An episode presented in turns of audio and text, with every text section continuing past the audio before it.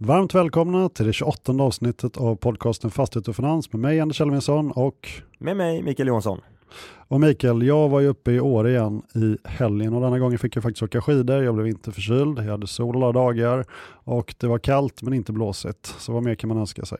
Vi åkte faktiskt med guide en dag och den här guiden, eh, väldigt trevlig herre, han köpte faktiskt lägenhet i Åre på, den, eh, på det glada 90-talet. Eller det var faktiskt kris då på bostadsmarknaden. Och vet du vad han betalade för lägenheten? Nej. En krona. En, vadå, han tog över skuld samtidigt eller? Ja, han tog över eh, indirekt skuld i och med att föreningen var belånad. Men eh, det är faktiskt så här det sett ut på en del ställen runt om i Sverige genom åren, att man faktiskt kunnat ta över ägandet av en bostadsrätt för en krona eller egentligen då ingenting. Och eh, så var fallet även i år under 90-talet ett tag för vissa lägenheter då utgår jag ifrån. Men jag slogs ju också av Hotell Åregården, vilken pärla. Jag tror ju köparen där gjorde en eh, kanonaffär på lång sikt. Det är ju en riktig raritet. Ja, den är fantastisk, en fantastiskt fin fastighet, men eh, om du var där och härjade, vart det lite, eh, kanske någon liten drink för Elvinsson? Det blev en drink på sadelbaren och det skäls ju hästsadlar nu och de har ju då barstolarna som hästsadlar så det måste ju vara ett par hundratusen där bara. Ja, ja, där ser man, men jag tror inte att de är superrädda för att just de ska bli snodda kanske. Nej, det tror inte jag heller. Eh, själv kan jag väl dela med mig, eller jag vill dela med mig om min helg som har varit här, för jag började fredagskvällen då med att sopa banan med tre stycken i bowling. Äh, sopa banan var överdriva, men det var en stabil seger med dem jag spelade med, alltid skönt. Första gången jag bowlade på länge. Sen på lördagen, så i matchens 95 minut, så avgjorde, avgjorde Tottenham Hotspurs eh, hemma eh, mot Brighton. Eh, väldigt skön seger. Och sen så är det ju så att jag nämnde här, dumt nog, eh, i det här forumet att jag ska träna mot maran då? Det har ju varit ganska många av er lyssnare som har hört av sig och berättat att det där eh, tror ni inte mycket på att jag har en speciellt stor chans att lyckas med och jag jag förstår den eh, feedbacken, jag förstår den eh, tankegången, men jag kan meddela än så länge då, att träningen rullar på ganska bra. Eh, varit igång med ett 16 veckors program i eh, tre veckor. Det programmet är då riktat mot att klara maran på 3.15 och jag är inte riktigt där i tempoträningen. Det är ganska tuff träning där man springer väl sex dagar i veckan och, och är ganska intensivt, men eh, pinna på hyfsat. Igår var det 12 kilometer, var Djurgården runt i 4.57, 4.58 tempo, så gick väl en ja, 12 kilometer på 59 minuter och 20 sekunder tror jag. Ganska jämnt tempo per kilometer. Så att otroligt mycket träning kvar och jag tror inte heller att jag kommer lyckas, eh, kan jag väl vara ärlig och säga, men jag ser det som en, en eh, bra sak i alla fall att träna mot. Du måste ju tro på dig själv när ingen annan gör det, Mikael. Ja, men jag säger här i det här forumet nu att jag inte tror på mig själv, så ska jag överraska positivt sen. Och det är faktiskt inte så att jag måste klara 3.15, utan det är egentligen är nyckeln att jag ska under 3.20 då. Det är det jag ska slå, så att, eh, det är det vi tränar mot. Det låter bra det. Även min eh, bänkpressträning går ju framåt faktiskt, så jag har ju hopp om, om att klara mitt mål här under året. Ja, du är väl ganska nära det målet redan nu? Ja, du sa ju det, de sista kilona är, är sega. Ja, det, det, är ju faktiskt sant. Och på tal om sega, aktieindex, fastigheter, för att göra en väldigt smidig övergång, eh, ned 4% förra veckan faktiskt, Anders. 10% ner i år. Vad är det egentligen som händer kan man ju börja fundera på då. Och det jag kan säga om det, det är att tioårsräntan under året är upp 37 punkter. Så alltså under den här nedgången på 10% så har ni en tioårsränta som har gått upp 37 punkter, så det får ju effekt för de här räntekänsliga bolagen på total sektornivå. Det är bara att konstatera. Eh, sen så trodde jag faktiskt på ned nedsida inför rapportsäsongen, eh, givet att man prisade in, i min mening, då, ganska mycket positivt. Men som vi vet, rapporterade siffror laggar, det har de gjort länge, så att om vi tittar nu i Q4 här så ser vi att bolagen fortsätter, och till deras heder ska jag säga, ta ganska rejäla grepp om värdenedskrivningar. Vi har Kelius på nästan minus 5% mot föregående kvartal, Entra 4 Fabg nästan 3% och listan kan göras längre. Ehm, så jag tror att även om man eh, förväntar sig det här och aktiekurserna redan reflekterar så blir det någon typ av negativ reaktion i marknaden när de här rejäla värdenedskrivningarna kommer. Även om jag kan tycka att det inte borde vara så, så är min känsla att det lite är åt eh, det hållet. Eh, operationellt har vi fortfarande sett, eller fortsatt sett, ganska stabila siffror faktiskt här i Q4. Och sen ska vi nämna att i slutet av avsnittet så har vi med Linn Solholm från Osborne Clark som vi har ett samarbete med.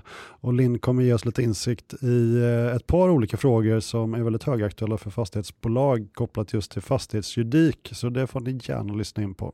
Ja, det tycker jag faktiskt inte att ni ska skippa, utan se till att hänga kvar hela avsnittet som vi inleder efter den här inledningen som precis har varit med att prata eh, direktmarknad som vi brukar. Och här är det faktiskt så att transaktionsmarknaden har haft en ganska stark start under februari månad, så jag skulle vilja du, att du Anders, att du berättar lite mer om de affärer som har kommunicerats.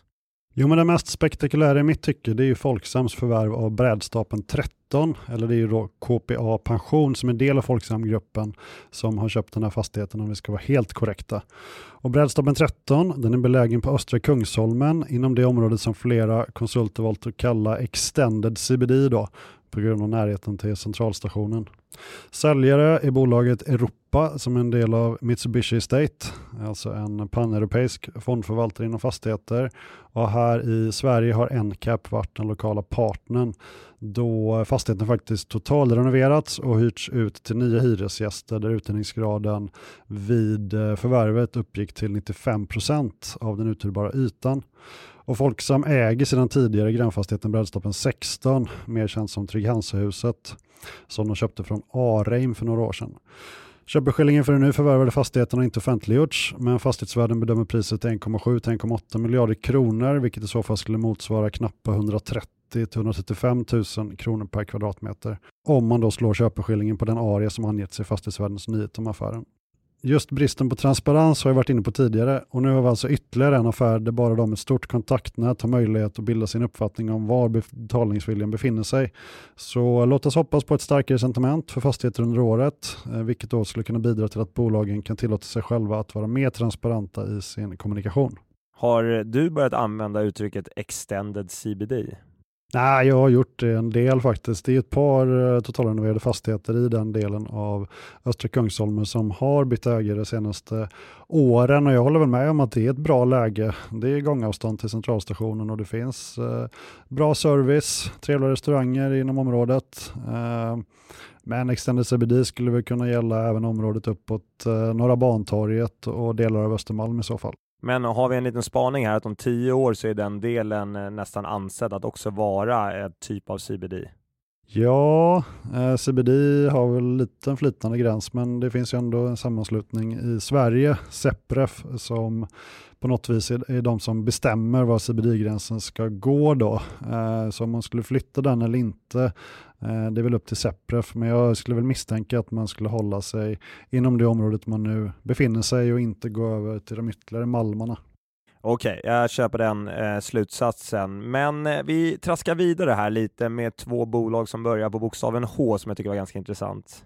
Ja, det här kanske är ännu mer intressant nyhet egentligen, för det meddelades ju att Heba förvärvat två äldreboenden från Hemsö.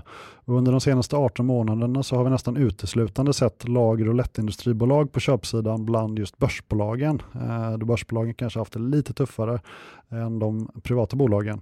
Men nu trycker alltså Heba, som främst har bostäder, i portföljen på köpknappen. Och det här måste väl vara ytterligare ett styrketecken i marknaden, Mikael? Ja, och, och, trots min negativa start på avsnittet när jag pratade om eh, hur aktieindex har utvecklat sig så finns det ju positiva signaler i marknaden.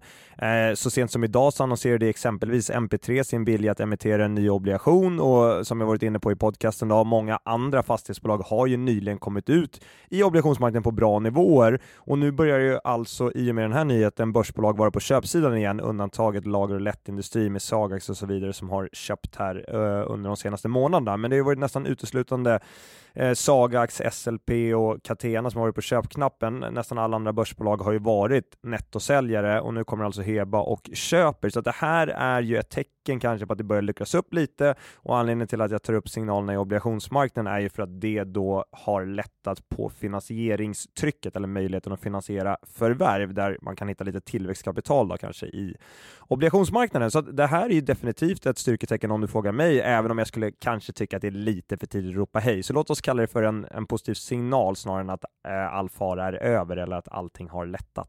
Men åter till affären. Heba förvärvar alltså två moderna äldreboenden i Tyresö, strax sydöst om centrala Stockholm. Underliggande fastighetsvärde i affären uppgår till 347 miljoner eller knappt 46 000 per kvadratmeter. Och hyresgäst i båda fastigheterna är privata Vardaga och Hemsö kommenterar affären med att den sker i syfte att utöka utrymmet för investeringar i nya skolor och äldreboenden framgent. Och jag kan dessvärre inte eh, uttala mig om någon direktavkastning i den här affären, eh, men hyresvärdet är ju föredömligt redovisat så man kan ju räkna på det här själv då. Sen har vi hyresbostäder i större svenska städer som jag har varit positiv till och det har också omsatts i marknaden.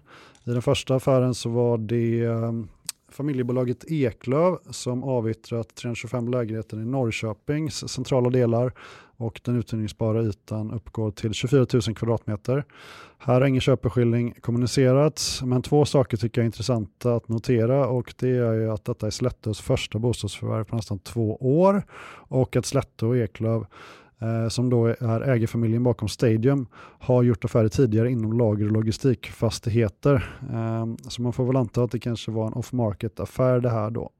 Och så om vi förflyttar oss lite till eh, landets södra delar och tittar närmare bestämt på Lund, Anders. Ja, här har Sveaviken avyttrat en nyproducerad bostadsfastighet med 75 lägenheter till SEB Domestica och inte heller här kommunicerades köpeskillingen. Sveaviken är en del av SIBS som kvartalsrapporterar då det har en utestående obligation. Visst är det korrekt Mikael? Det är helt korrekt. Brukar det gå att luska ut köpeskillingen för enskilda affärer i nästkommande kvartalsrapport?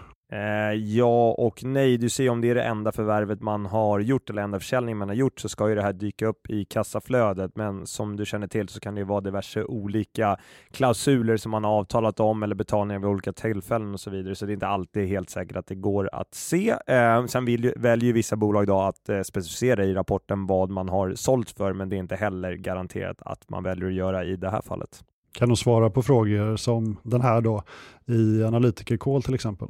Eh, det skulle de potentiellt sett eh, kunna göra. Innan inspelningen av detta avsnittet så la du till Oscar Properties försäljningar på 192 miljoner bland samtalspunkterna. Och det är väl helt rätt tycker jag, men jag har tyvärr inte så mycket att tillföra. För det är alltså fyra separata transaktioner som skötte fastigheterna frånträddes under det fjärde kvartalet 2023 och nu under det första kvartalet 2024. Och enligt Oscar Properties så skedde avyttringarna i linje med bokförda värden. Men då så pass lite framkommit om affärerna så tycker jag att det är en helt oväsentlig eh, bit information som de tillhandahåller eh, oss som då försöker förstå marknaden. Ja, för egen del så roade jag mig lite med att kolla i obligationsprospekten i de säkerställda obligationerna, vilka fastigheter som faktiskt ingår där. Sen så crosskörde jag det med pressmeddelanden. Sen var det ju så att i pressmeddelandet så stod det bara kommunerna man hade sålt i, inte vilka fastigheter man sålde. Så det kan man väl ha en åsikt om. Men i alla fall, som eh, vad jag kan se enligt obligationsprospekten på de här två säkerställda obligationerna så finns tre av fyra kommuner i pressmeddelandet representerat. Så det är inte helt omöjligt att det man nu sålde till då 75 procent eller de tre av de fyra fastigheterna som inkluderades i försäljningen då faktiskt relaterar till antingen den så kallade Valerium-obligationen eller då HL18-obligationen. Vi kan även konstatera att Sagax varit i farten igen och köpt fastigheter i fyra olika länder för 700 miljoner. Mikael, är det dags för Sagax att ta in ytterligare pengar via en nyemission med tanke på den takt bolaget håller? ja, man får väl nästan gissa det va. Men nej, alltså, så här, jag tror deras 4 miljarder de har hämtat in, det räcker ganska långt. Samtidigt som man inte ska glömma heller att portföljen just nu då genererar runt 3,5 miljarder kassaflöde. Drar bort 700 miljoner i investeringar och 1,1 miljarder i utdelning så är det fortfarande 1,7 miljarder då, som kan användas som eget kapital in i de här affärerna. Så att för att använda ett berömt politikeruttryck, ladorna är inte tomma, men absolut, vill de fortsätta växa på det här sättet i den här takten, ja då kan vi inte utesluta fler emissioner som gör att de kan gasa ännu mer och med tanke på var aktien handlar någonstans så tror jag absolut inte det är någonting som styrelsen utesluter. Men en ny emission i Sagax är väl knappast något man som aktieägare i bolaget är rädd för? Absolut inte när det handlar på de nivåerna som sagt. Det är väl 120% premie mot substansvärde med viss, eh, vad säger man, disclaimer för att jag inte kollat exakt vad det handlar idag då, men ungefär 120% premie.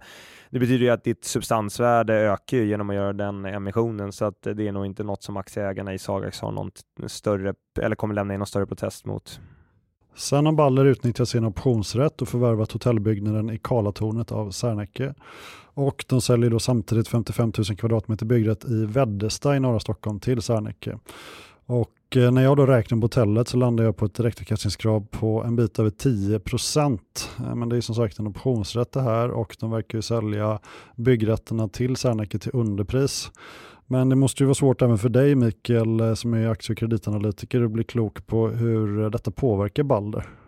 Absolut, eh, väldigt svårt och hela Balder-caset är ju svårbedömt där jag sitter just därför att bolaget inte direkt är det mest transparenta i branschen. Det är nog ingen det är inte så att ta så starka ord i munnen och säga det. I affären du nämner känns det ju som att det finns en hel del klausuler man gärna hade haft lite mer information kring för att kunna bedöma utfallet av det här. Och sen så undrar jag Anders, Balder har ju skrivit ner sina värden med ungefär 4,5 miljard under 2022 och 2023, vilket betyder att man tagit en total värdenedskrivning på ungefär 2,4 procent under de här åren. Långt under snittet faktiskt. Jämför det med aktörer som Heimstaden, SBB, Fabg som alla nu ligger en bra bit över 10 procent, så funderar jag på, är det verkligen rimligt? Uh, får man svara ingen kommentar på den frågan? Det får man göra, uh, det får man absolut göra. Men jag, där jag sitter, så vi tittar väldigt mycket på hur mycket bolagen har skrivit ner mot piken, tänkte komma tillbaka till det lite senare. Och det är naturligtvis ska man ta med i beräkningen vilka fastigheter man har man, i vilka regioner, hur mycket skrev man upp värdena. Men att skriva ner i ett bolag som Balder med över 200 miljarder i fastighetsvärde, att ta ner det med 2,4 procent när räntorna har agerat som de har gjort under 2022 och 2023, det gör i alla fall mig lite frågande eh, och man kanske skulle vilja dyka lite djupare i de fastighetsvärderingarna som ligger till grund för det. Eh, med då disclaimer, det kan ju vara så att Balder var väldigt försiktiga när marknaden gick åt andra hållet, så det låter jag vara lite osagt. Men jag tror att det är ganska viktigt i de här olika fastighetsbolagen att faktiskt titta lite närmare på hur olika bolag har agerat. Nej, men det man kan säga där är väl att Balder eh, till största del äger bostäder och det har ju definitivt varit ett segment som påverkats ganska kraftigt. Och jag skulle väl säga att det, det redan var under andra halvåret 2022 som, som man egentligen kanske tog den största smällen i det här segmentet. Ehm, och 2,4 eh, procent sa du va? Stämmer bra. Det, det är ju i lägsta laget. Innan vi avslutar fastighetsdelen så måste jag lyfta en spännande försäljning av en privatbostad som dragits igång och den här gången är det Silvio Berlusconis fem barn som gått med på att sälja egendomen Villa Certosa och det skriver Financial Times och hänvisar till källor med insyn. Utgångspriset är svindlande 500 miljoner euro men för det får man ju då en egendom på Smeraldakusten på 120 hektar. Vet du hur stort ett hektar är Mikael? Ja, det vet jag egentligen, men inte så här på rak arm Anders. 100 gånger 100 meter. Och där finns då tre villor, sju simbassänger, en amfiteater i grekisk stil samt en gömd mosaikdekorerad grotta. Den skulle man ju vilja besöka. Eh, och det spekuleras då i att den högst troliga köparen bedöms vara en miljardär från Saudiarabien, Indien eller USA. Eh, förlåt, det sista där, den högst troliga köparen bedöms vara en miljardär från Saudiarabien, Indien eller USA. Enligt vem? Enligt spekulationer i tidskriften. Ja, och de spekulationerna grundas på vad då? Du är näst på tur att köpa här eller? Nej, men jag bara funderar på, kan inte den miljardären lika väl komma från eh, Europa? Man kan väl misstänka att Silvio Berlusconi inte hade den bästa av smaker utan någon som är lite smaklös och då kanske det är de här länderna. Okej, okay, det kanske ligger någonting i det. Det kanske inte är någon brittisk miljardär eller någon fransk miljardär eller någon eh, italiensk miljardär. Har de bättre smak då än någon från USA, Indien eller Saudiarabien? Mm, jag skulle nog våga sticka ut taken och säga det. Ja, Okej, okay. ja, men det är intressant. Vi får eh, se om vi kan testa om den eh, hypotesen stämmer. Fastighet och finans spelas in i samarbete med Fastighetsvärlden. I snart 40 år har Fastighetsvärlden genom konferenser, magasin, nyhetsbrev och hemsida levererat marknadsledande nyhetsbevakning av Sveriges bygg och fastighetsbransch. Och Mikael, på väg hem från Åre så hade jag inte bara min goda vän Johan med mig utan även senaste numret av Fastighetsvärldens magasin. Perfekt läsning på en lång tågresa. Höjdpunkter från senaste numret är ett personporträtt på den erkänt duktiga fastighetsinvesteraren Bengt Malmegård, en djupdykning i logistiksegmentet och hör och häpna ett långt reportage om fastighetsaktier som ingen mindre än du författat. Ja, precis. Det stämmer alldeles utmärkt. Det är alltid lika roligt när Willy Vredemark hör av sig och vill diskutera aktier eller som nu då vill ha min Arktis syn på rådande läge. I senaste numret har Fastighetsvärlden listat Sveriges 16 största lagerbyggnader. Och låt oss se om du kommer på vilka bolag som hyr de två största lagren i Sverige, Mikael. Du, det gör jag inte på rak arm. Då kan jag meddela dig att, eh, en liten fanfar, Ikea såklart hyr Sveriges största lager och det ligger i Älmhult och de äger väl det själva också misstänker jag. Och det är på 155 000 kvadratmeter. Och nummer två är en aktör inom lågprisbranschen. Vilken kan det vara Mikael? Eh, kan det vara Willys kanske? Det är Jula. De har sitt lager i Skara och det är på 146 000 kvadratmeter. Se där alltså. Men hur som helst, vi kan varmt rekommendera er att ta del av de senaste nyheterna från fastighetsbranschen genom fastighetsvärldens olika kanaler.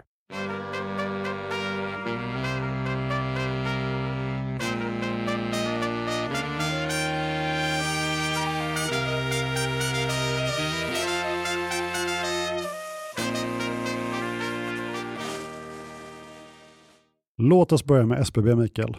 Bolaget avser att eh, notera norska PPI och det gör ju att du inte kommer kunna kommentera bolaget i samma utsträckning som tidigare.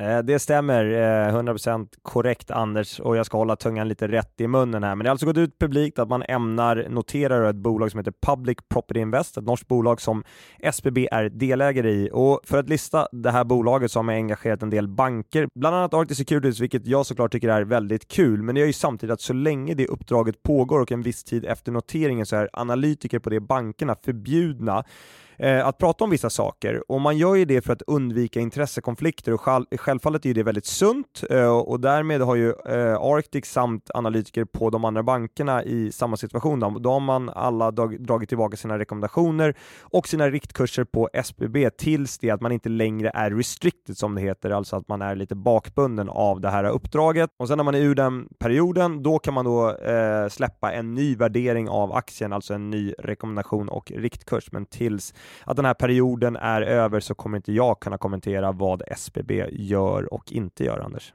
Så när nu Arctic eh, är med i den här noteringen så försvann den enda köpreken på SBB, alltså din Mikael? Eh, det stämmer. Eh, så nu finns det noll aktiva rekor, utan det som vi gör i det här läget är att vi refererar till vår tidigare eh, rekommendation och den analysen vi släppte innan vi var då restricted. Jag har inte hittat något riktigt bra ord på svenska för att översätta det, men innan vi blev det, det var det senaste som vi kommunicerade och det är helt enkelt den man får förhålla sig till. Men sen är det såklart att den tar inte hänsyn till det som har skett efter, eh, så att vi kan inte diskutera det caset idag, utan vi kommer komma tillbaka med vår syn på aktien eh, till marknaden när vi inte längre är bundna eh, av den här pågående transaktionen.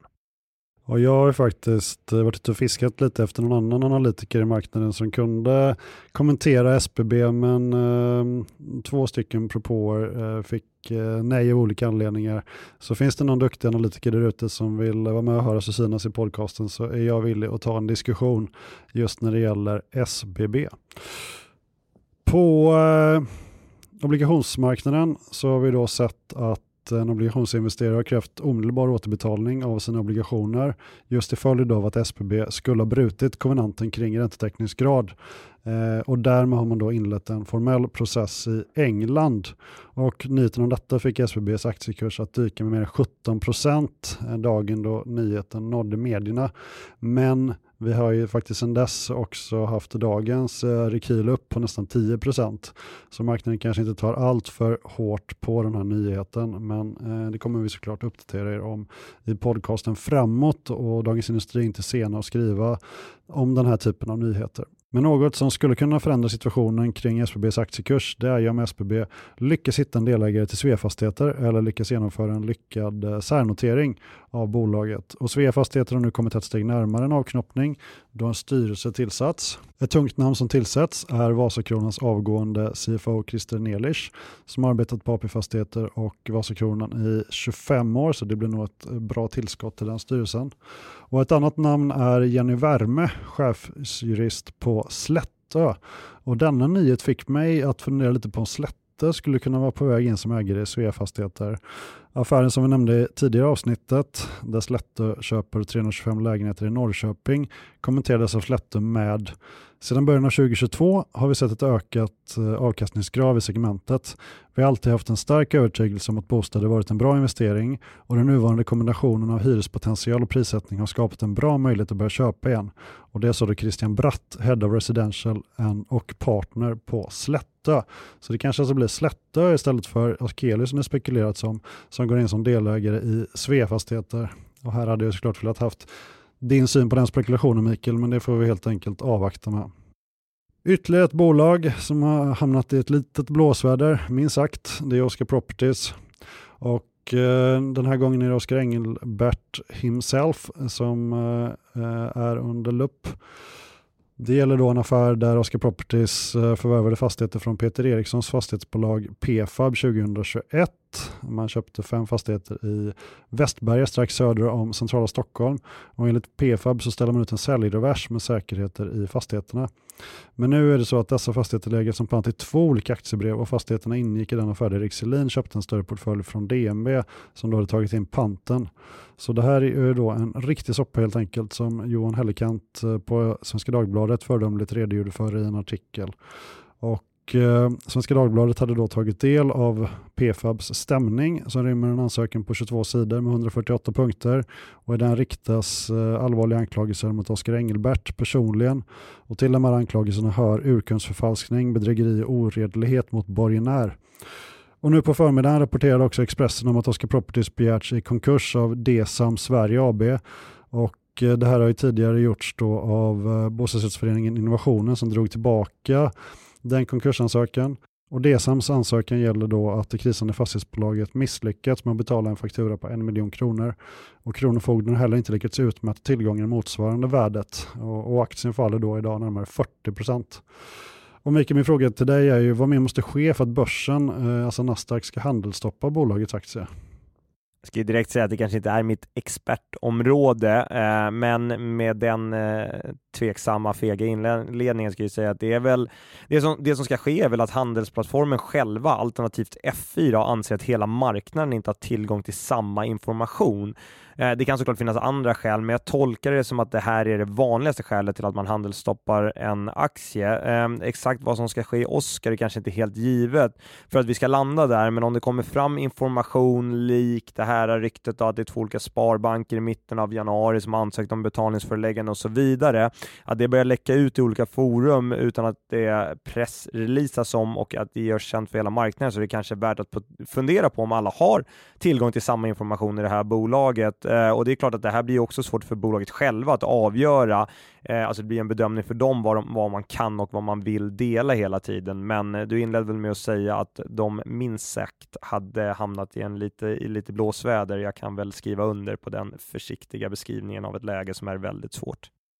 Och även kring Fastata har det fortsatt skrivas negativa artiklar och nu senast om att en storägare ska ha gjort sig skyldig till marknadsmanipulation. Och jag har även nåtts av rykten om att Fastator och Joakim Kühlenstierna har fastigheter ute till försäljning i Gamla stan i Stockholm. Eh, och det här är fina hus, men sen kan man väl diskutera om man då vågar köpa fastigheter från det här bolaget med tanke på allt som skrivs. Eh, men man kan väl minst sagt säga att eh, Joakim Kühlenstierna ligger nere för räkning. Enligt en artikel i Dagens Industri så viker inte miljardären ned sig och miljardären som då åsyftas är Ivar Tolofsson och det han inte viker ner sig kring det är ju ägandet och villkoren vid en kapitalinjektion i Heimstaden. Mikael, vad har du hört kring hur diskussionerna går mellan Heimstadens ägare? Här upplever jag lite att man vill hålla korten nära kroppen eh, givet den pågående utredningen som Finansinspektionen håller på med och blåslampan i media kring Heimstaden så läcker det inte ut speciellt mycket om hur förhandlingarna går. Det jag hörde det var ett rykte som sa att tonen är faktiskt fortsatt hyfsat okej okay, trots att man inte nått stora fram, framsteg då, men det är ju väldigt lösryckta spekulationer från min sida. Det har ju även inrätts en utredning mot Folksam och Pensionsmyndigheten kring eh, investeringarna i Heimstaden. Har dina utländska kreditkunder haft frågor kring hur detta påverkar Heimstaden? Eh, absolut, eh, framförallt dagen då nyheten kom ut, då var det väldigt mycket frågor kring det här. Och vi har väl svarat eh, de kunderna ganska sakligt, om jag får säga det själv, då, att exakt vad de här utredningarna kommer fram till, det är ju såklart svårt att säga om. Det vi däremot kan säga är egentligen följande, att att Finansinspektionen skulle starta en utredning hos andra aktieägare i Heimstad och Bostad, det var inte speciellt oväntat givet att man initierade en i Alekta och för att lägga till någonting då, man ska vara försiktig att dra allt för långtgående slutsatser av att de har inlett en utredning. Eh, för att det krävs inte jättemycket, eh, har ju eh, Finansinspektionen själva uttalat sig om, eh, för att då starta en utredning. Och även om man kommer fram till att investeringsprocessen varit otillräcklig så betyder inte det nödvändigtvis att det bästa för fondels, eh, fondandelsägarna här och nu eh, är att släppa bolaget, utan det bästa kanske fortsatt är att agera som en ansvarsfull ägare framåt. Eh, så jag tycker att man bara ska ha med sig det, att det är lätt att dra lite för snabba och för långtgående slutsatser innan vi vet vad det här faktiskt mynnar ut i. Sen har tre av de fyra mest omskrivna fastighetsmiljardärerna senaste åren nyligen tryckt på köpknappen enligt en artikel i Fastighetsvärlden. Och det är banker som är den gemensamma nämnaren. Erik Selin köper nischbanker medan Rutger Granhult och Sven-Olof Johansson köper storbanker. Mikael, ska man dra någon slags spaning utifrån detta att eh, miljardärerna inte alls är rädda för kreditförluster i bankerna? Eller har du någon annan tes om varför de här herrarna lockas just så mycket av bankaktier? Bankaktier är nedtryckta därför att de blankats av utländska investerare och det är ju för att de här utländska investerarna är oroliga för kreditförluster kopplade till eh, bankernas fastighetsexponering. Så jag tror att dessa herrar, de känner väl att de har en ganska god förståelse för hur kreditgivningsprocessen i svenska banker fungerar och mest troligen är deras slutsats att volymen kreditförluster kopplade till just fastigheter, det kommer bli väldigt lågt när vi är ur den här, om vi nu ska kalla det för fastighetskrisen. Eh, och sen vidare så har ju de här eh, en känsla kanske för hur bra betalt bankerna just nu kan ta i sin utlåning till fastighetsbolag, vilket såklart hjälper deras intjäning framåt. Och Anders, kanske viktigast av allt, om jag ska nu fortsätta min högst spekulativa utläggning, jag tror att de här herrarna gillar en väldigt hög direktavkastning som jag misstänker de tror är ganska uthållig i de här bankaktierna. Och på tal om Sven-Olof Johansson så förtydligade Fastpartner relationen mellan A och D-aktier. Varför gjorde man det? Ja, men det gjorde man för att det blev lite stök kring förhållandet mellan just A och D-aktier förra våren och jag tror Fastpartner ville skaffa sig lite större möjlighet att dra ned på stamaktie A-utdelningen utan att nödvändigtvis dra ned på D-aktieutdelningen framåt. Då. Så det jag kan säga lite kort om det här det är att av de fem bolagen med D-aktier så var det bara Fastpartner som satt utdelningen på D-aktien som en multiplicering av utdelningen på stamaktie A, alltså i singular, medan övriga fyra bolag alla skrev utdelning på stamaktie stamaktierna i plural, så då tittar man ju mer på total utdelad volym snarare än vad du betalar per aktie. Så nu förändrar man detta så att, deras, eh, totala, eh, så att det är relaterat till total utdelad volym istället. Och Sven-Olof har ju valt att ligga med en av marknadens kortaste räntebindningar. Hur agerade bolaget i det fjärde kvartalet 2023 nu när långräntan har fallit? Man valde att binda totalt en miljard i tre olika soppar faktiskt med antingen fem eller tio år i löptid till en räntemarginal ska jag säga på 2,4 till 2,7 procent. Så genom den här manövern Anders, då sänkte man faktiskt snitträntan med 30 punkter i Q4 23 jämfört med utgången Q3 23. Och bolaget eh, passade faktiskt på med att kommunicera en ny policy eh, där de säger att vi har i enlighet med vår nya finansieringspolicy då, för avsikt att under 2024 räntesäkra 30% av vår skuldportfölj på bindningstider överstigande tre år. Och på tal om att sänka sin snittränta så läste jag en artikel i Dagens Industri. Här kommenterade Rutger Granhult den senaste obligationsemissionen som bolaget genomfört. Och nu läser jag från artikeln. På frågan om räntan på nästan 8% för ett instrument med relativt kort löptid inte utgör ett problem svarar fastighetsmiljardären självsäkert. Dyrt och dyrt, säger han och berättar sedan att bolaget med hjälp av derivat kan få ned kostnaden till omkring 6,3 och Mikael, kan inte du berätta lite mer om hur det här med derivat fungerar och hur Röttger lyckas få ner den här kupongen om 170 punkter? Ja, men det passar ju bra att vi precis pratade lite om vad Sven-Olof har valt att göra i det fjärde kvartalet och lyckas sänka sin snittränta med 30 punkter. Då. För i svensk marknad så är det standard att man emitterar obligationer med en rörlig räntemarginal, alltså att kupongen ändras efter utvecklingen på Stibor. Så i Corums fall, då de emitterade en obligation eh, till en kostnad av tre månaders Stibor plus 375 punkter, där kupongen då blir cirka 7,7 procent idag, då, givet där Stibor ligger. Och sen så i takt med att Stibor förändras, då håller man den här kreditspreaden på 375 punkter, då, den hålls oförändrad, men inte den totala kupongen eftersom den totala kupongen blir en konsekvens av då den här kreditspreaden ihop med nivån på tre månaders Stibor och det är alltså det man betalar till investerarna. Det Rutger kan göra dag ett, det är att byta den här rörliga delen, alltså tre månaders Stibor mot en fast ränta genom en ränteswap, alltså precis det som Sven-Olof valde att göra i Fastpartner under Q4 23. Så i det läget förändras ju inte din totala kostnad med utvecklingen av underliggande ränta, utan då väljer du helt enkelt att swappa bort den rörliga delen genom att betala ett fast ränteflöde istället.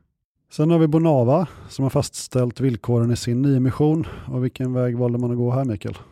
Ja du, eh, om vi tittar på den här eh, företrädesemissionen då, eh, så satte man eh, priset på eh, aktierna att teckna sig för AB-aktier till 4,9 kronor per aktie. Det är 62 procent eh, rabatt mot den stängningskursen man hade dagen innan. Då. Och om det här blir fullt tecknat, vilket eh, det kommer bli, eh, givet att man har teckningsåtaganden då från stora ägare, så kommer det här att generera ungefär en miljard i nytt aktiekapital in i bolaget. Tror du det kommer räcka med den här miljarden? Ja, det tror jag. Jag tror att man har tagit ett ganska stort grepp om kapitalstrukturen i Bonava. De har gjort väldigt mycket i det här bolaget. Dels har man lyckats förlänga obligationen eh, med tre år och gjort om villkoren där samtidigt som man har jobbat väldigt mycket med kostnadsbesparingar. Så att genom att få in den här miljarden så tror jag att eh, Bonava har dragit tillräckligt mycket i stoppen och även fått sina kreditgivare att supportera dem med att man har lyckats förlänga banklån eh, också i samband med det här. Så att jag tror att det här är tillräckligt för att Bonava ska kunna vända blad som det så vackert heter och gå vidare. Ja, vända blad är det fler som har sagt. Och med en liten smidig geografisk förflyttning så konstaterar jag då att Entra i och med sin rapport nu tagit ner fastighetsvärdena 17% sen piken. Eh, först och främst så skulle jag vilja ha en liten kort kommentar från dig Anders, eh, där du beskriver varför norska bolag tagit ner värdena mer än de svenska. Ja, det är såklart 17 procent är mer än eh, vad de kontorsägande bolagen i Sverige har tagit ner det. Sen skiljer det sig väldigt mycket mellan olika bolag i Sverige kring hur man har agerat. Men som jag förstår om man jämför svenska och norska marknaden så har ju faktiskt hyresutvecklingen, eh, om man ser till marknadshyror då, vad kanske värderarna lägger in i värderingen har varit ganska likartad. Eh, så det är snarare då yielderna som har stuckit iväg betydligt snabbare i Norge än i Sverige. Och ser man på ett års förändring så är eh, justeringen i Norge nästan dubbelt så hög i, i bästa läge då än vad man haft i Stockholm. Och i Oslo var det väldigt drivet av olika konsortier som eh, pressade marknaden innan vi nådde den här toppen. Då. Och de har ju faktiskt eh, tagit ett väldigt stort steg åt sidan och, och det är väl i princip inga nya konsortier som bildas då med utgångspunkten att man ska förvärva fastigheter, Mikael, som jag förstår det. Nej, det stämmer ju bra Anders. Där ser vi ju väldigt många problemfall snarare än att det pratas om att eh, starta nya eller att bilda den typen av strukturer. Så det har vi verkligen sett ett, en ny riktning i marknaden. Men sen kan man väl också, eh, skulle jag misstänka Anders, eh, tillskriva lite av skillnaden till att vi i Sverige har sett mycket större eller högre KPI-justeringar de senaste två åren än vad vi har gjort i Norge.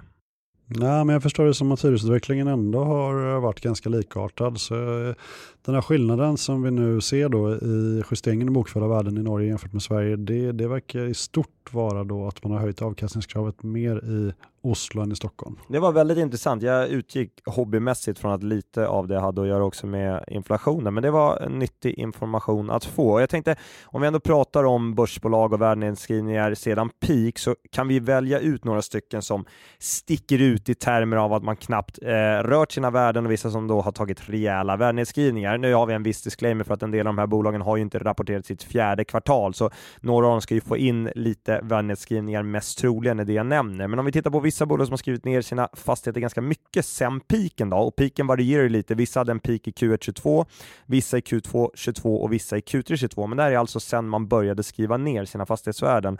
Och då kan vi exempelvis titta på Akelius som har tagit ner ungefär 17 procent, eh, Corem 12 procent, eh, Heimson Bostad 13 procent, Norwegian Property 16 procent, SBB 12 procent och Vasakronan 13 procent. Tittar vi på andra delen av skalan, och här har vi ganska många bolag idag som inte har rapporterat sin Q4 än, men där har vi Trianon med ungefär 4% Vi har Wallenstam med 6% Vilborgs 2% Sagax 3% ned, eh, ska jag tillägga. Det gäller ju såklart ned på alla de här bolagen. MP3 eh, minus 2% Citycon minus 2, Cibus minus 3 och så tänkte jag också nämna Catena faktiskt, Anders, minus 4 ner sen peak. Intressanta spaningar för en värderare, Mikael. Och på temat fastighetsvärderingar så kan vi konstatera att Roger Akelius varit i farten igen och i en längre intervju med Dagens Industri gjort flera intressanta uttalanden om fastighetsbolagens bokförda värden. Och artikeln publicerades här i söndags så den är nästan dagsfärsk för er som missat den. Eh, jag kan rekommendera det, det finns även ett videoklipp där han pratar om bostadsmarknaden. Vi har försökt få med Roger i podcasten men fick dessvärre ett eh, snabbt nej och det nejet var ett ganska långt mejl som var väldigt trevligt skrivet. Mikael, vi har en hel del ytterligare rapporter som har trillat in. Eh, jag skulle jättegärna ta din take på till exempel Fabege. Eh, Fabius Fabeges rapport är stark i min mening. Eh, såklart visste vi om den här jätteuthyrningen till Saab på förhand, men jag tycker underliggande siffror är bra. Förvaltningsresultatet plus 20% både över oss och konsensus var faktiskt 33% högre än det man hade i motsvarande kvartal förra året. Så väldigt starkt. Värdeförändring 2,9% negativt i linje med det man kan förvänta sig, även kanske lite högre än vad vi hade i våra estimat. Men generellt Fabege levererar ett, ett bra resultat helt klart. Sen har även Vasakronan hunnit rapportera. Positiv tillväxt i förvaltningsresultatet med ungefär 140 miljoner eh, om vi jämför med föregående eller med samma kvartal föregående år. Det är bra. Eh, man fortsätter ha stora värdenedskrivningar, vilket är sunt. Eh, man hade en tillväxt i jämförbart bestånd på ungefär 10% vilket är relativt bra. Det är såklart drivet av KPI-justeringar. Det som jag kanske tycker är en än viktigare siffra här att konstatera, det är att de hade ett resultat i omförhandlingar under året, om jag tolkade det rätt, på plus 3% så att utöver KPI-justeringarna har man faktiskt lyckats höja hyresnivån. Eh, man hade positiv nettouthyrning i kvartalet och eh, generellt kan jag väl säga att det verkar vara förvånansvärt bra efterfrågan i svensk kontorsmarknad om vi tittar på Vasakronans rapport tycker jag. Och hur ser det ut hos Fastpartner?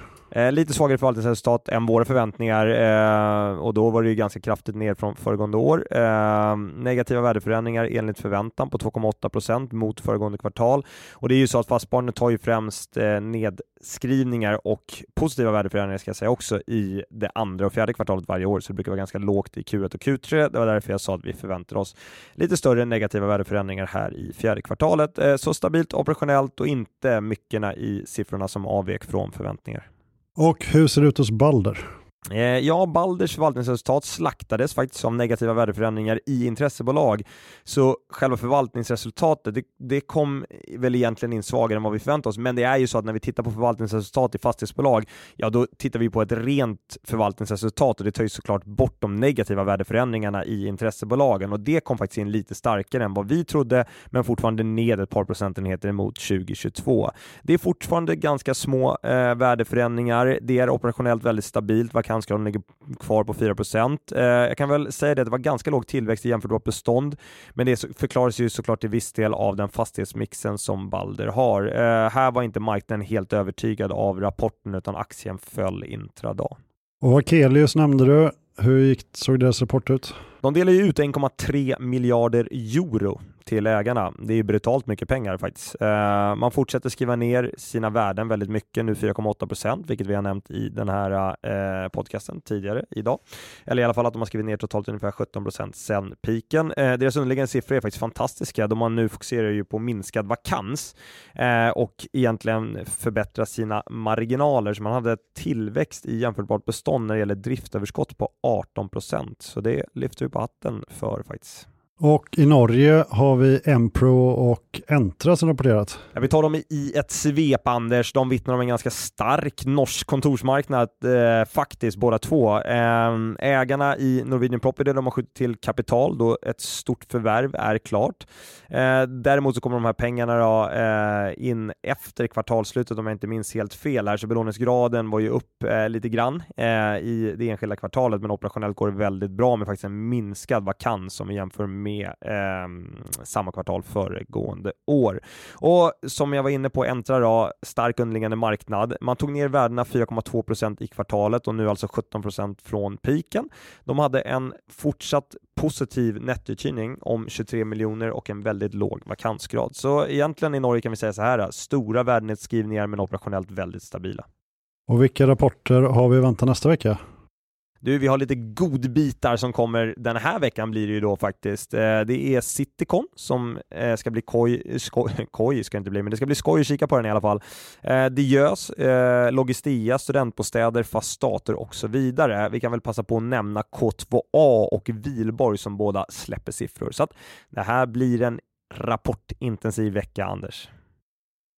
Sen så tycker jag att vi ska ge ett heders omnämnande Anders. Det är ingen mindre än Knut Rost. För gladare VD, det får man faktiskt leta efter i fastighetsbranschen. Knut är alltid en person med ett brett leende på läpparna tycker jag när han är i officiella sammanhang. Nu ska jag inte utge mig för att känna Knut privat, men i alla fall i eh, eh affärssammanhang så är han alltid väldigt positiv.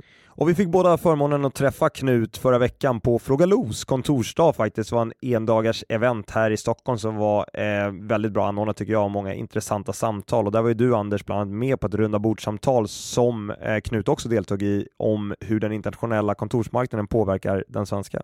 Ja, det var väldigt intressant att få Knuts inspel på både högt och lågt. Det kändes som vi svävade iväg ibland, men det var alltid intressanta samtalsämnen. Knut tog över eh, vd-posten på Diös 2014. Han har växt bolagets fastighetsvärde från 12 miljarder till 31 miljarder. Så hatten av till Knut Rost och eh, tack för en god gärning på Diös. Ska vi säga så? Verkligen.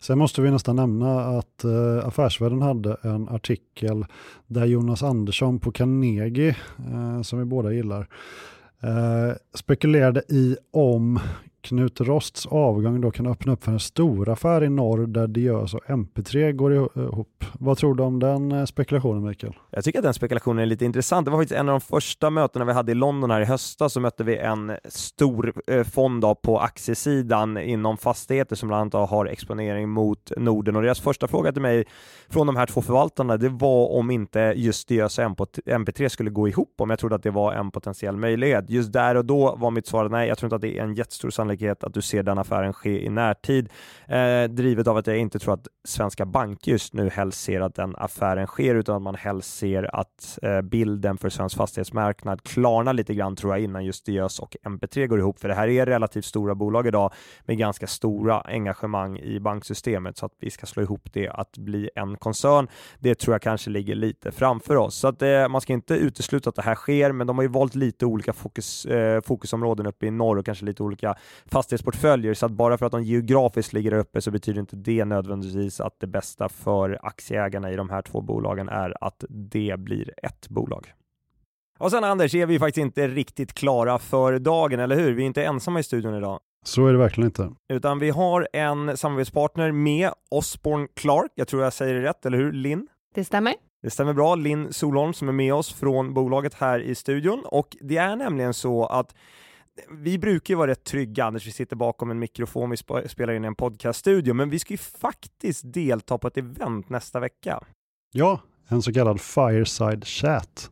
Ja, det kommer bli väldigt intressant som alltså arrangeras av Osborne Clark och då är det ju så att det finns ett fåtal platser kvar till det här eventet. Om man då skulle vilja anmäla sig så kan man höra av sig till någon av oss eller då direkt till Osborne Clark och se om det finns en, en plats kvar. Jag tvivlar på att det är du och jag Anders som har dragit alla de här äh, gästerna, utan det är nog själva launchen av Osborne Clark som, som drar folk, eller hur Linn? Ja, det hoppas jag. Kan inte du bara berätta lite om firman och eh, visst, ta något ord om dig själv också? Linn Solholm heter jag och jag är advokat och partner på Osborne Clark sedan årsskiftet. Eh, byrån har funnits sedan 1748 och vi finns eh, på 26 platser runt om i världen, har drygt 2300 medarbetare och jobbar mest med digital transformation och transaktioner. Jag blir lite avundsjuk direkt. Det var min barndomsdröm att bli advokat. Det är ganska häftigt, tänker jag, att få gå upp i, i domstol, hela den här biten. Det låter i alla fall coolt, men sen så insåg jag hur mycket man behövde studera för att bli jurist, så alltså jag tog en annan karriärsbana. Men eh, nog om det. Anders, eh, kan inte du, du har en liten eh, intressant fråga tycker jag, som du får gärna får inleda med. Ja, men då har du inte sett den amerikanska tv-serien Suits, där huvudrollsinnehavaren inte pluggat alls. Så du skulle kunna fejkat in dig i branschen. Ja. Och det är tyvärr inte riktigt så coolt eh, som det är på Suits. Nej, man får snygga kostymer. Ja, det får man. Uh, ja, men som utlovat så ska vi ställa några skarpa frågor till dig här just kopplat till eh, fastighetsjuridik och det du kan hjälpa fastighetsägare med. Och det är bland annat den här nya FTI-lagen, alltså utländska direktinvesteringar och hur den berör fastigheter. Det vill vi gärna veta lite mer om. Ja, som många kanske redan känner till så trädde en ny lag i kraft eh, i 1 december förra året och den är då ett svenskt system för granskning av utländska direktinvesteringar, så kallad FTI-lagen. Och den nya FDI-lagen gör det möjligt att granska utländska direktinvesteringar som kan leda till säkerhetsrisker i Sverige. Så, och även om det på lagens rubrik tyder på att det måste finnas ett utländskt element så är, gäller lagen faktiskt såväl svenska som utländska investerare. Så det kan vara bra att ha i åtanke. Och då är det då Inspektionen för strategiska produkter som är ansvarig granskningsmyndighet. Och an, man måste anmäla en transaktion innan man, innan man gör en transaktion eller investering så ska den anmälas till ISP, då, den här myndigheten, eh, om det kan röra samhällsviktig verksamhet. Och med en transaktion menar du försäljningen av ett aktiebolag då till exempel? Precis. Och är det bara aktiebolag det handlar om? Nej, FDI-lagen gäller investeringar i aktiebolag, Europabolag, handelsbolag, ekonomiska föreningar med mera. Så att, eh, men de flesta eh, investeringar som görs kommer kanske främst röra aktiebolag. Så att, eh, och det man också ska tänka på är att FDI-lagen gäller både investeringar i privata och onoterade och noterade bolag och även inkomstöverlåtelser och så kallade greenfield-investeringar, alltså när investeringen syftar till att bolaget i framtiden ska bedriva så kallad skyddsvärd verksamhet. Det låter som ett tema vi kommer få höra lite mer av framöver, att det kommer vara mer aktuellt för folk att sätta sig in i det här. Ja, absolut. Och även investeringar genom riktade nyemissioner omfattas. Eh, och koncerninterna transaktioner omfattas också av FDI-lagen. Men okej, okay, om man då ska göra en transaktion antingen som köpare eller säljare, vad är egentligen då man ska tänka på innan man gör den transaktionen? Ja, nej men alltså FDI-lagen kommer ju få en stor påverkan på transaktioner framöver, både traditionella företagsförvärv och venture capital-investeringar. Så att även om det i slutändan kanske inte väntas vara så många transaktioner som kommer att stoppas eller förses med villkor så finns det ju andra aspekter som man ska behöver beakta. Och då är det dels, kan, behöver man göra en inledande screening. Varje transaktion behöver ju analyseras ur ett FDI-perspektiv. Så utöver FDI-lagen kan det förstås finnas andra länders motsvarande lagstiftning som kan vara tillämplig. Och som säljare kommer man behöva få en bättre förståelse kring en eventuell köpare för att eh, förstå eventuella transaktionsrisker. Eh, sen kräver det lite mer transaktionsplanering för att om FDI-lagen är tillämplig så behöver transaktionsprocessen ta höjd för den här eh, tidsåtgången. Dels ge utrymme för att förbereda anmälan till ISP men också invänta ISPs beslut. Sen så kommer man ju då behöva lägga in villkor i aktieöverlåtelseavtal. Så att om FDI-lagen är tillämplig så behöver transaktionen villkoras av ett godkännande enligt FDI-lagen. Och parterna behöver ju också på något sätt försöka allokera risken för att transaktionen inte godkänns eller om den förenas med särskilda villkor. Och Linn, du har grävt fram lite intressant fakta Ja, exakt. Jag hörde av mig till myndigheten i fredags. Eh, vi hade ett bett på kontoret för att se hur många anmälningar som har kommit in till ISP sedan 1 december förra året. Och per i fredags så hade 195 anmälningar kommit in till ISP. Det var faktiskt betydligt fler än vad jag trodde. Och per fredag så hade de fattat beslut om att 104 stycken anmälningar skulle lämnas utan åtgärd. Och sen per fredags då hade de fattat totalt sex beslut om att inleda granskning. Mm. Ja, men det var ändå hyfsat snabbt agerat, för jag förstod det som att det befarades att det kunde ta upp till ett halvår att få det här godkänt. Ja, alltså man, från och med att ISP har fått in en komplett anmälan så har de 25 dagar på sig att fatta beslut om att antingen eh, lägga, liksom lämna det utan åtgärd eller inleda en granskning. Och sen så ska granskningen ta tre månader. Om det inte finns särskilda skäl, då ska det ta sex månader. Så att det är en tidsåtgång som man behöver planera för i eventuella förvärv framöver. Men en sak jag sitter och funderar lite på, eller har funderat lite på, det är ju det här med hyresavtal. Än så länge så har vi sett eh, operationell styrka i sektorn måste jag säga, men det lurar väl lite runt hörnet givet dit ekonomin är på väg, att vi kommer se lite operationell svaghet i sektorn. Och då tänker jag på det här med uppsägning av hyresavtal, både egentligen från en hyresvärds perspektiv men även då hyresgäst. Vad är det egentligen som krävs för att ett hyresavtal ska vara korrekt uppsagt? Ja, ett eh, lokalhyresavtal kan ju eh, till hyrestidens utgång sägas upp för både villkorsändring eller för avflyttning. Och eh, när man säger upp ett sånt här hyresavtal så är det ju för det första viktigt att man är tydlig om det gäller att det sägs upp för villkorsändring eller för avflyttning. För eh, som eh, vi pratade om tidigare så kan otydlighet leda till ogiltighet. Så det är väl första punkten. Eh, sen är det viktigt att hålla koll på uppsägningstiderna och här gäller det att läsa hela hyresavtalet inklusive eventuella tilläggsavtal.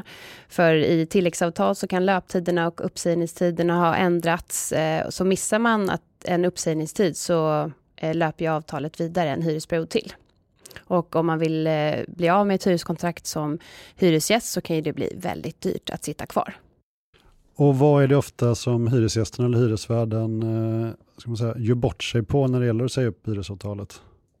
Det kan vara många saker faktiskt. Eh, bland annat uppsägningens utformning. Det kan ju låta så himla enkelt, men den är väldigt formbunden och då är det viktigt att man anger rätt parter, rätt adresser, tider med mera. Och om den här uppsägningen inte är korrekt utformad så riskerar den att vara ogiltig. Och man kan behöva tänka på så basala saker som vad ett bolagsnamn är och vilken adress som bolaget sitter på. För att har hyresgästen eller hyresvärden ändrat bolagsnamn så, så ska man alltid alltid, man ska alltid kontrollera vad som är registrerat helt enkelt hos Bolagsverket för att inte göra den tabben. Det låter som att det är väldigt tur att jag inte ens var för att säga upp avtalen här på Kursman Wakefield. Det har du nog alldeles rätt i. Och vi ser självklart fram emot att träffa dig nästa vecka på vårt gemensamma event. Det ska bli jätteroligt. Ja, det gör vi verkligen. Stort tack för att du kom hit Linn och för dina bidrag i podcasten. Det uppskattar vi och så ses vi helt enkelt nästa vecka. Tack för att jag fick komma. Tack själv. Men innan vi avslutar det här avsnittet så måste vi såklart dra den sedvanliga disclaimern att allt vi har sagt i den här podcasten ska inte tolkas som varken en köp eller säljrekommendation i något finansiellt instrument. Och med det så eh, avslutar vi ett av de längsta avsnitten hittills måste jag säga och eh, hoppas att ni alla får en fin vecka. Det gör vi. Eh, ha det bra, på återseende, hej!